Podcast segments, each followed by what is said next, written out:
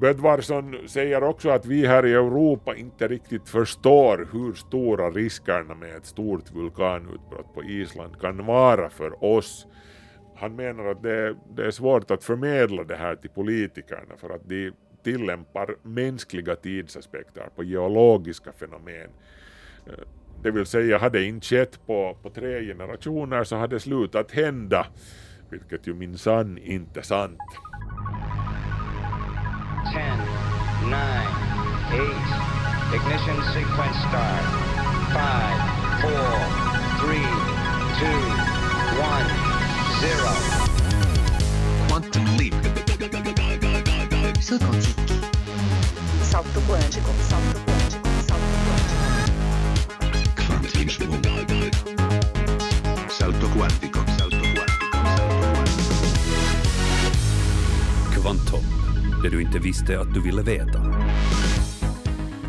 För den som bor på södra Island sommaren 1783 måste det te sig som att Ragnarök har kommit.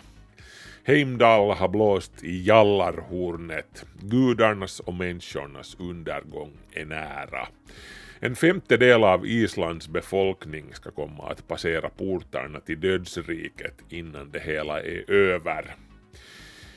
I slutänden leder det väldiga vulkanutbrottet som islänningarna ger namnet skaftareldar till hungersnöd också i Finland, Sverige och på smått oväntade platser. Till exempel så förlorar Egypten en sjättedel av sin befolkning som följd av det extrema väder som följer i Laki-utbrottets spår.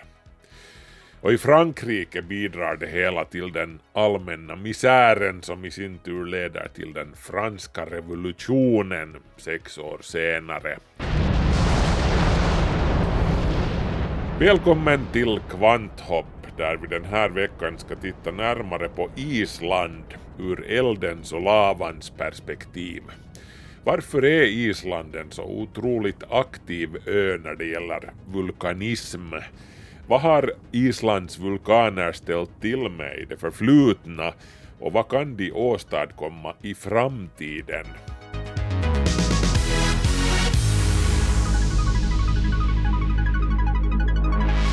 Häng med, nu kör vi. Jag heter Markus Rosenlund. Jag medger, när jag hörde att det var ett nytt vulkanutbrott på gång på Island så kastade jag mig på webbens resesajter för att boka mig en flygbiljett. Jag har alltid velat se en livslevande vulkan med egna ögon, lava som rinner och allt det där. Det närmaste jag har kommit var Teide på Teneriffa, men den uträttade nu inte värst mycket då jag var där. Den slumrande vulkanen på halvön Reykjanes på, på sydvästra Island började alltså visa livstecken den 20 mars efter att tiotusentals skalv hade noterats i tre veckors tid. Det var det första utbrottet i det här området på sådär 800 år. Nå, jag insåg ju hur som helst snabbt att jag får lov att slopa den här planen på att flyga min drönare över den rinnande lavan i Geldingadalur. Coronasituationen naturligtvis. Jag har varken tid eller råd att sitta i karantän i Reykjavik dagarna i ända just nu. Men å andra sidan, jag skulle ju inte heller ha tid och råd att sitta fast på Island ifall scenariot från ganska exakt 11 år sedan upprepade sig. Natten till den 14 april 2010 skedde ett vulkanutbrott vid glaciären Eyjafjallajökull på Island. Eyjafjallajökull. Eyjafjallajökull.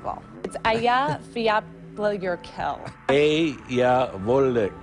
Äh, den 15 april inställdes alla flyg i ett antal länder i, i nordvästra Europa på grund av den tjocka vulkaniska röken och askan som steg från Island, Europas skorsten. Vulkanen kastade alltså aska ända upp i den övre troposfären till 10 kilometers höjd där uppe plockades askmolnet sen upp av jetströmmen, den snabba vindström som kretsar runt jorden från väst till öst, ungefär här ovanför den 60 breddgraden, här som vi bor. Och så gick det sen så att den 17 april stod stora delar av flygtrafiken stilla i, i Nalles 26 av Europas länder. Men inställda flygturer är ju ändå trots allt ett mindre irritationsmoment med tanke på potentialen till förstörelse som Island på riktigt sitter på. Island är ett av de aktivaste vulkanområdena i världen med utbrott i genomsnitt ungefär vart tredje år. Cirka en tredjedel av all basaltlava som har trängt upp från underjorden under historiens lopp har kommit uttryckligen från isländska vulkaner. 1900-talet såg inte mindre än 39 vulkanutbrott på och omkring Island. Att det råder så livlig vulkanisk aktivitet just på Island beror på öns läge mitt på den så kallade mittatlantiska ryggen. Atlantens, inom citat, ryggrad är i princip en 20 000 kilometer lång bergskedja under vattnet och den klyver Island mitt itu. Man kan säga att Island är ett av den här kedjans bergstoppar eller om du vill, ryggkotor. Eh, till de andra topparna räknas sen Azorerna, Ascension, Tristan da Cunha och Jan Mayen. Med andra ord, Island ligger på Atlantens rämnande söm, där som den atlantiska duken sliter sig själv i stycken. Atlanten blir alltså varje år upp till 10 centimeter bredare amerikanerna avlägsnar sig från oss och vi från dem. Och den här bredden, den nya marken där i mitten, den skjuts till just vid den här ryggen där den eurasiska och den nordamerikanska kontinentalplattan skjuts ifrån varandra. Magma som väller upp och bildar ny havsbotten kring mittryggen liksom. Och ställvis stiger det också upp öar sen, som Island.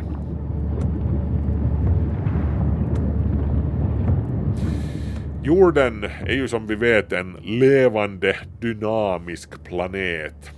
Vår hemplanet har, i motsats till Mars till exempel, en aktiv plattektonik. Kontinentaldrift kallas det också. Eh, det här har vi vetat om sedan 1912 då Alfred Wegener kastade fram idén. Eh, vem kan glömma den här aha-upplevelsen i skolan då man insåg att Afrika och Sydamerika passar in i varandra som två pusselbitar. För de har suttit ihop alltså i något skede. Äh, uh, jordskorpan är alltså indelad i enorma flak, som isflak, fast av sten istället för is. Och de flyter liksom omkring där, inte på ett iskallt arktiskt hav utan på ett hav av eld. Motorn bakom det hela utgörs av konvektionsströmmar, stigande och sjunkande strömmar av magma i den delvis smälta manteln som jordskorpan flyter på. Eh, vi här i Finland, och inte bara vi utan själva marken vi står på, rör hela tiden på oss, sakta men säkert, i nordostlig riktning. Det vi kallar Finland, klipporna som våra flaggstänger står på, har med andra ord inte alltid legat här, för hundratals miljoner år sedan skulle våra vimplar ha vajat söder om ekvatorn.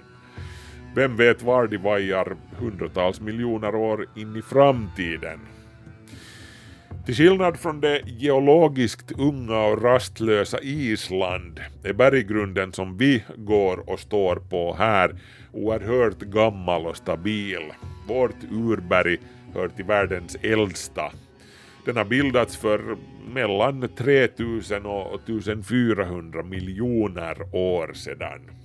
Vårt urberg hör också till världens tjockaste. Ställvis har vi upp till 230 kilometer solid sten under fötterna. Vulkaner är med andra ord helt otänkbara här. Tråkigt men sant. Fast nåja, ska vi vara ärliga så, så föredrar jag tråkigt i det här fallet. Tråkigt är bra när det kommer till jordskorpan, så är det bara.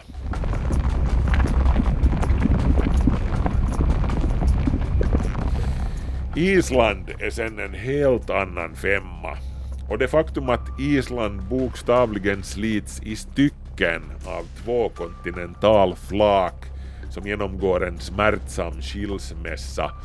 Du kan googla Tingvellir så får du se bilder av den här sprickan. Du kan faktiskt stå mer eller mindre mitt emellan Europa och Amerika helt fysiskt där. Eh, men i alla fall det här med att Island slits itu av de här två kontinentalplattorna, det räcker de facto inte till som förklaring till att ön är så vulkaniskt aktiv. En annan delförklaring är att Island dessutom ligger ovanpå en så kallad vulkanisk hetfläck. Hetfläckar eller hotspots är ställen där magma från jordens heta inre strömmar upp genom manteln mot jordskorpan. Eh, lite på samma sätt som pelare av varm luft stiger uppåt i atmosfären en solig dag i juli till exempel. I stil med de här uppåtstigande strömmarna som till exempel havsörnarna liftar på för att ta sig högre upp utan att flaxa på vingarna en hel massa. Samma sorts heta pelare, fast inte av luft då utan, utan särskilt het uppåtstigande magma från jordens innandömen förekommer i manteln. Det, det här semismälta, semistela lagret som kontinentalplattorna alltså glider runt på. Eh, manteln har av vissa beskrivits som att den har ungefär samma konsistens som, som het knäck ungefär i kastrullen. De här så kallade mantelplymerna är som långsamma, oerhört långlivade svetslågor som bränner mot undersidan av kontinentalplattorna. Och på de punkter som de är riktade mot uppstår det sedan vulkanism. Island ligger ovanpå just en sådan het fläck. Den här mantelplymen som ligger och bränner där nere under Island tros vara ovanligt smal, bara omkring 100 kilometer i genomkärning eh, och den sträcker sig mellan 400 och 650 kilometer ner i jordens inre. Hetfläckar tycks kunna uppstå lite var som helst på jorden. Det spelar inte så stor roll om det är i skarven mellan två kontinentalplattor som Island eller mitt under en platta som Hawaii eller Yellowstone i nordvästra USA för den delen. Och det är alltså spännande det här med hur man kan spåra en kontinentalplattas rörelse genom att följa de här brännmärkena som en het fläck har lämnat i jordskorpan. Ta nu Hawaii till exempel. Det är som någon skulle ha dragit en svetslåga längs jordskorpan underifrån, hela vägen uppifrån Kamchatka-halvön ner mot sydost. Och så har det bubblat upp öar sen längs med det här svetsspåret. Hawaiis huvudö är den nuvarande positionen för hetfläcken. På samma sätt så kan man följa spåren av förödelse som Yellowstones hetfläck har lämnat efter sig under drygt 16 miljoner år som ett pärlband av massiva vulkanutbrott genom Nordamerikas inre. Ärren i jordskorpan sträcker sig ända nerifrån Nevada upp till Wyoming till den nuvarande nationalparken i Yellowstone. It's known as the Yellowstone volcano. And it's not just any regular volcano. Nope. It's a supervolcano. Och grejen med hetfläckarna är alltså att det som sagt inte är de som rör på sig de står stilla. Det är jordskorpans kontinentalplattor som rör på sig. I motsats till Hawaii och Yellowstone är det lite svårare att dra en rak linje längs med den isländska hetfläckens spår. Det är med andra ord svårare att säga var den kom från så att säga. Enligt en teori beror det på att den under långa tider har legat dold under den tjocka grönländska bergskölden. Men man kan i princip spåra den eurasiska plattans rörelse under den relativt nära forntiden. Dra ett streck från vulkanen Grimsvötn under Vatnajökullglaciären i mellersta Island ner till Surtsey sydväst om Island så ser du hur den eurasiska plattan har vandrat över hetfläcken. På samma sätt så kan man spåra den nordamerikanska kontinentalplattans rörelse genom att dra en linje från Grimsvötn till Reykjaneshalvön. Med andra ord, just där som det nuvarande utbrottet pågår som har synts så mycket i diverse drönarvideor på sociala medier på sistone. Hälsningar från hetfläcken med andra ord. Sverrir Gudmundsson bor i Reykjavik. Vissa känner oro och man har hört eh, folk som eh, vill flytta eh, till något annat område. Men ännu några ord om Surtsey, alltså den här ön som är Islands sydligaste punkt. Den har en kort men spännande historia Eh, hur många länder kan lägga till ny mark till sitt territorium utan att erövra det av någon grannstat? Island kunde stoltsera med det här, ett litet sprillans nytt stycke land under 1900-talet. Here, in the mid-Atlantic Ocean off the south coast of Iceland, volcanic rock and ash have risen from the ocean floor to form the island of Surtsey. New land on the face of the earth. Surtsey steg alltså upp ur havet i samband med en eruption 1963. Den började 130 meter under havsnivån och nådde sedan ytan den 14 november 1963. Som störst var ön 2,7 kvadratkilometer och sedan dess har, har öns yta krympt stadigt på grund av erosionen från havet. 2007 var den 1,4 kvadratkilometer och med tiden kommer den att smulas ner i havet helt och hållet och försvinna. Men utbrottet som skapade Surtsey var liksom både Eyjafjallajökull 2010 och det nu pågående utbrottet på Reykjaneshalvön sist och slutligen inte mycket mer än kuriosa. Spännande saker att följa med, gör sig bra på Instagram men inte just mycket mer än så. Inte ens Bardarbunga eh, 2014 till 2015, i princip en av de största serien utbrott på Island på 230 år eller så, blev sist och slutligen så värst dramatisk. This eruption briefly caused the country to raise its ash alert level for aviation to its highest level. It produced lava fountains which were more than 50 meters high. This was downgraded when there was no ash detected. Förhoppningsvis får det här nu inte någon att invaggas i en falsk känsla av trygghet hur som helst. Eh, Island sitter som sagt på en riktig krutdurk som under århundradenas lopp har visat sin destruktiva kraft många gånger. Ett av de allra största och kraftigaste utbrotten inleddes på våren år 939 efter vår tideräknings begynnelse. Eh, det var det största utbrottet av basaltlava i historisk tid. Eldja hade fått heta. E-L-D-G-J-A apostrof. Äh, Eldja hör till samma vulkaniska system som Katla, Islands största vulkan. Äh, där som utbrottet ägde rum finns idag världens största vulkaniska kanjon, en dal alltså, 40 kilometer lång, 270 meter djup och upp till 600 meter bred. Under Eldja-utbrottet trängde omkring 18 kubikkilometer lava upp ur jorden. Det är större än hela huvudstadsregionen här i Finland.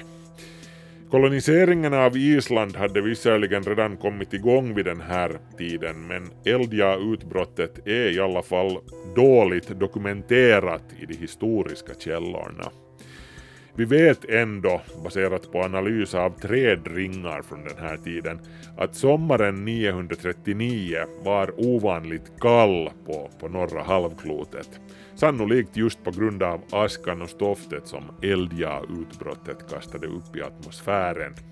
Medeltemperaturen i Europa, Kanada och mellersta Asien låg omkring 2 grader Celsius under det normala den sommaren. Också vintrarna var mycket kalla i, i norra Europa under åren som följde. 2018 publicerade ett team med medeltidsforskare från Cambridge-universitetet en artikel där de föreslår att den kända medeltida isländska dikten Valans spådom eller Völvans spådom skulle ha en direkt anknytning just till det här eldiga utbrottet. Han sig med lik av män som dött. Gudars boning med blod besudlar. Svart blir solskenet om somrarna efter. All väderlek vansklig.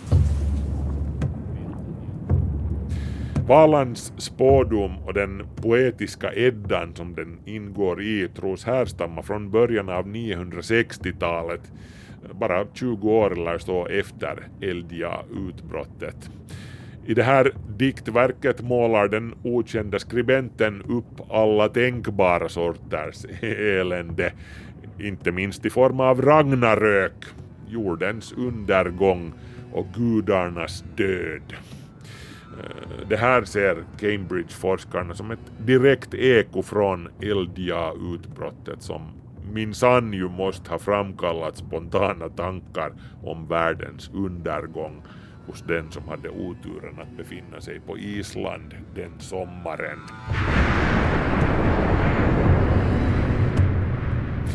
Cambridgeforskarna Cambridge-forskarna föreslår också att Valans spådom var en sorts vulkanisk apokalyptisk propaganda i anknytning till projektet att ta livet av de gamla gudarna och banka in kristendomen istället i den tidens islänningar.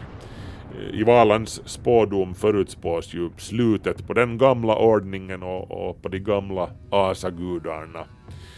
De gamla Pantheons härskare Oden, Tor, Frej, Heimdall och Loke är döda var budskapet liksom. Men världen reser sig igen. De enda två överlevande människorna i Midgård, Liv och Livtrasir, får som uppgift att befolka den återskapade jorden på nytt. Hur som helst, om man får tro på den här teorin så skulle vi ju inte ha någon Nibelungens ring till exempel utan Eldja-utbrottet. Wagner han tog ju inspirationen till Götterdämmerung, gudarnas skymning, just från Ragnarök.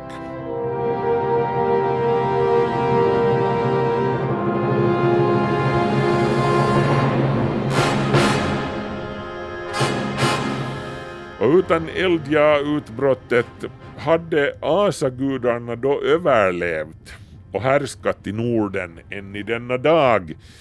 Tja, no, det, det är nu kanske att ta i en aning, men det är ändå knappast värst långsökt det här att, att den tidens människor kunde uppfatta ett jättelikt vulkanutbrott som Eldja som någonting av den kalibern att själva gudarna får vika sig.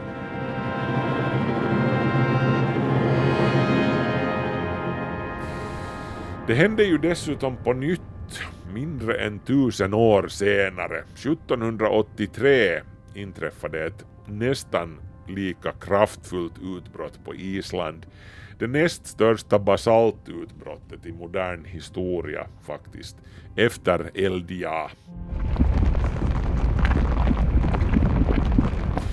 På pingstsöndagen den 8 juni öppnar sig Lakagigar, en 25 kilometer lång spricka i själva jordskorpan mellan glaciärerna Vatnajökull och Myrdalsjökull på södra Island.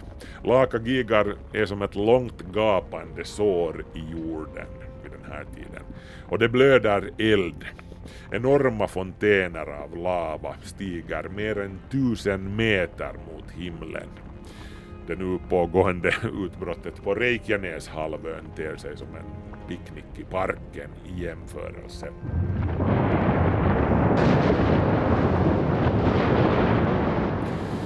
Lakagigarsprickan har fått sitt namn efter vulkanen Laki som ligger i mitten av den här sprickan. Eh, fast Laki själv deltog faktiskt inte i 1783 års utbrott. Sprickan löper från sydväst mot nordost och, och den omfattar 135 individuella kratrar. Lakagigar är en del av det vulkansystem där också Katla, den riktigt stora bjässen, ingår. Utbrottet som får heta Skaftareldar efter floden Skafta pågår i åtta månader och när det är över har en femtedel av Islands befolkning och nästan tre fjärdedelar av all boskap på ön mist livet. Islänningarna talar om den här perioden som Moduhardindin, ungefär den vanskliga tiden av dimma.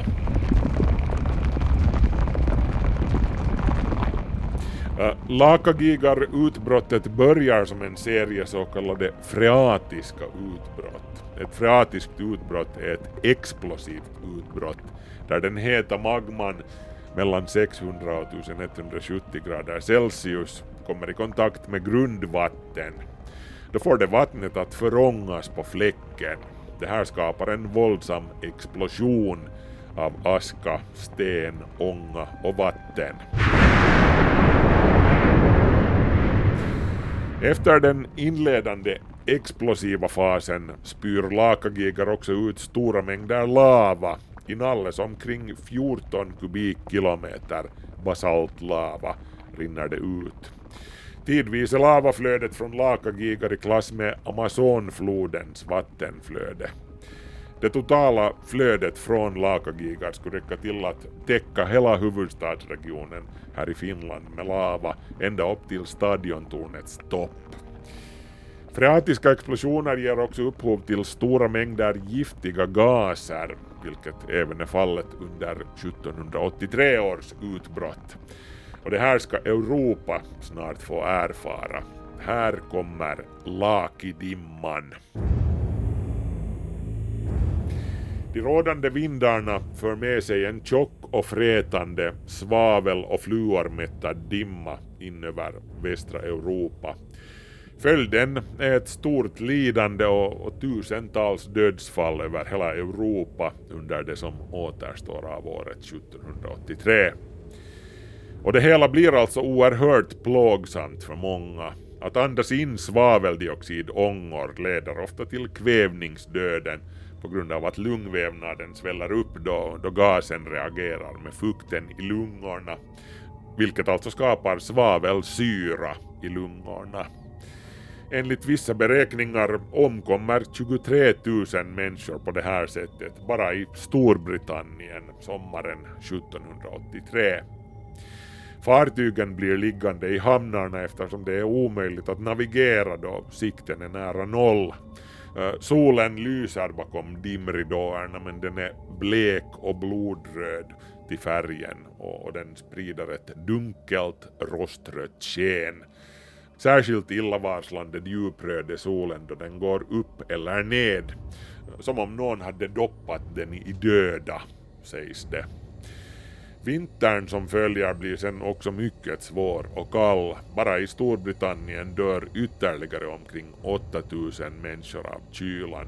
Också här i Norden upplever man en riktig fimbulvinter. I Frankrike i sin tur, där leder flera somrar med omväxlande svår torka och hårda regn samt hagelstormar till misslyckade skördar. Under 1783 och åren som följer är bristen på mat svår i Frankrike samtidigt som fattigdomen ökar kraftigt, vilket bidrar till att den franska revolutionen bryter ut 1789. Vive le roi!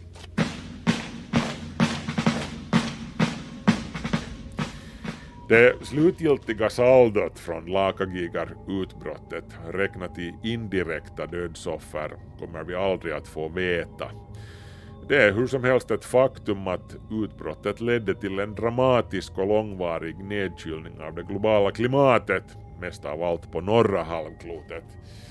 Det ledde också till en försvagning av monsunvindarna och, och regnen i norra Afrika, Arabiska halvön och Indien. Så många som 5 till 6 miljoner människor kan ha strukit med som en följd av de extrema väderfenomenen. Det här skulle i så fall göra Laka-Gigar till det mest destruktiva vulkanutbrottet i modern tid. Kunde något motsvarande då ske i dagens läge? Utan tvivel, säger den isländska seismologen Reinir Bödvarsson som jag intervjuade för Kvanthopp i början av 2010-talet. På grund av uppvärmningen, det vill säga klimatförändringarna, då har glaciärerna på Island minskat ganska mycket. Mm. Och det betyder att den vertikala belastningen på jordskorpan har, har minskat och det betyder att, att, att trycket, så att säga, det behövs mindre tryck ifrån det inre för att komma upp till ytan, det vill säga i form av, av eh, vulkanisk eh, utbrott. Mm. Och vi räknar med att de närmaste eh, tiotals eller hundratals åren i och med att glaciärerna minskar att man kan få lite ökad uh, vulkanisk aktivitet på Island. Mm. Bödvarsson säger också att vi här i Europa inte riktigt förstår hur stora riskerna med ett stort vulkanutbrott på Island kan vara för oss. Han menar att det, det är svårt att förmedla det här till politikerna för att de tillämpar mänskliga tidsaspekter på geologiska fenomen. Eh, det vill säga, hade det inte skett på, på tre generationer så hade det slutat hända, vilket ju minsann inte är sant. Det är där som mm. den stora faran ligger. Mm. Det vill säga, Eyjafjallajökull och en veckas lite trafikstörningar är ingenting i jämförelse med vad man skulle kunna få tvingas uppleva i ett riktigt stort utbrott på Island till exempel. Nej, jag är inte orolig på det sättet men men jag är medveten om att eh, det kan bli väldigt allvarligt, även om sannolikheten är liten att det blir nu, men den möjligheten finns. Nu är ju det pågående utbrottet på Reykjaneshalvön bara en tam liten kattunge på vulkanutbrottens skala, åtminstone tills vidare.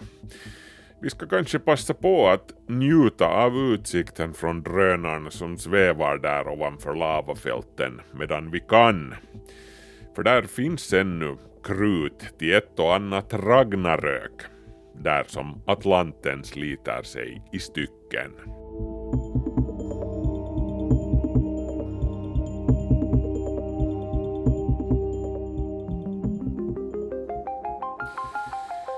Nu är Kvanthopp hur som helst slut. Har ni ärende så når ni oss på kvanthoppsnabelayle.fi.